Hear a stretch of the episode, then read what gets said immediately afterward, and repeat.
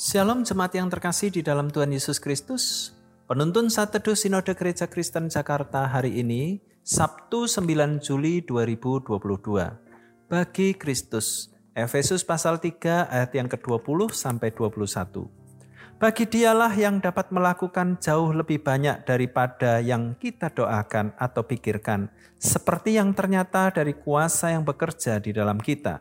Bagi dialah kemuliaan di dalam jemaat dan di dalam Kristus Yesus turun-temurun sampai selama-lamanya. Amin. Saya heran dengan tingkah seorang jemaat yang kalau doksologi selalu keluar dengan tergesa-gesa. Setiap minggu ia melakukan hal itu, sehingga ia tidak mengikuti ibadah sampai selesai. Lucunya, setiap doksologi ia selalu keluar. Saya pun bertanya, kenapa ia melakukan hal itu?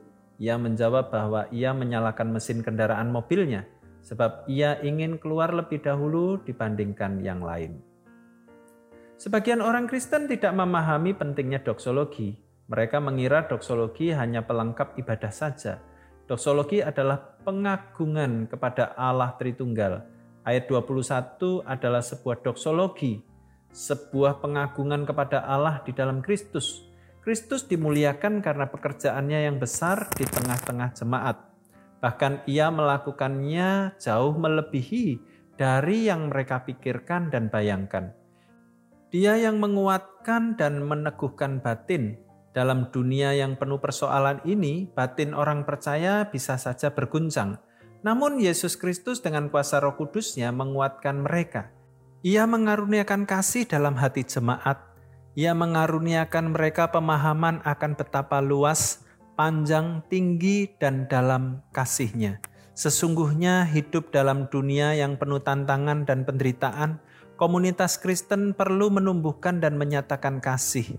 Inilah rahasia kekuatan mereka dan kasih itu dikaruniakan kepada mereka tidak hanya pemahaman tentang kasihnya, tetapi hidup di dalamnya. Itu sebabnya di dalam doksologi ini Paulus mengungkapkan kiranya kemuliaan Kristus hadir di tengah-tengah jemaat. Apakah Kristus dimuliakan di tengah-tengah komunitas jemaat ketika menghadapi berbagai kesulitan dan pergumulan hidup? Atau sebaliknya, ada komunitas jemaat yang justru melakukan hal-hal yang tidak benar ketika kesulitan mereka hadapi.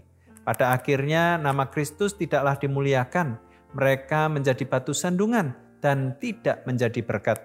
Kiranya komunitas kita terus menjadi komunitas yang memuliakan Kristus. Selamat beraktivitas, Tuhan Yesus memberkati.